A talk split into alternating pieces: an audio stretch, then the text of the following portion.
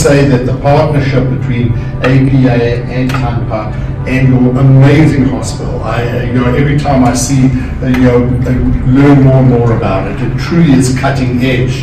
You know, uh, I'll say as cutting edge, as good as America, maybe even better.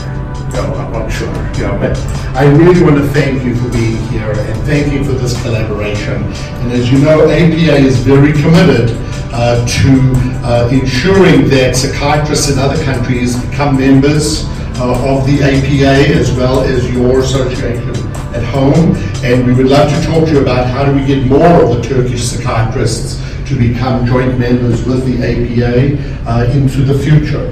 So I want to thank you, one, for your friendship and being here at the APA annual meeting. I know uh, as all our countries sometimes struggle a little, uh, we as psychiatrists need to ensure that we're still all together as professionals doing the best possible treatment for those with mental illness. And certainly both the association and your hospital clearly is a great leader in that field. So thank you. Thank you.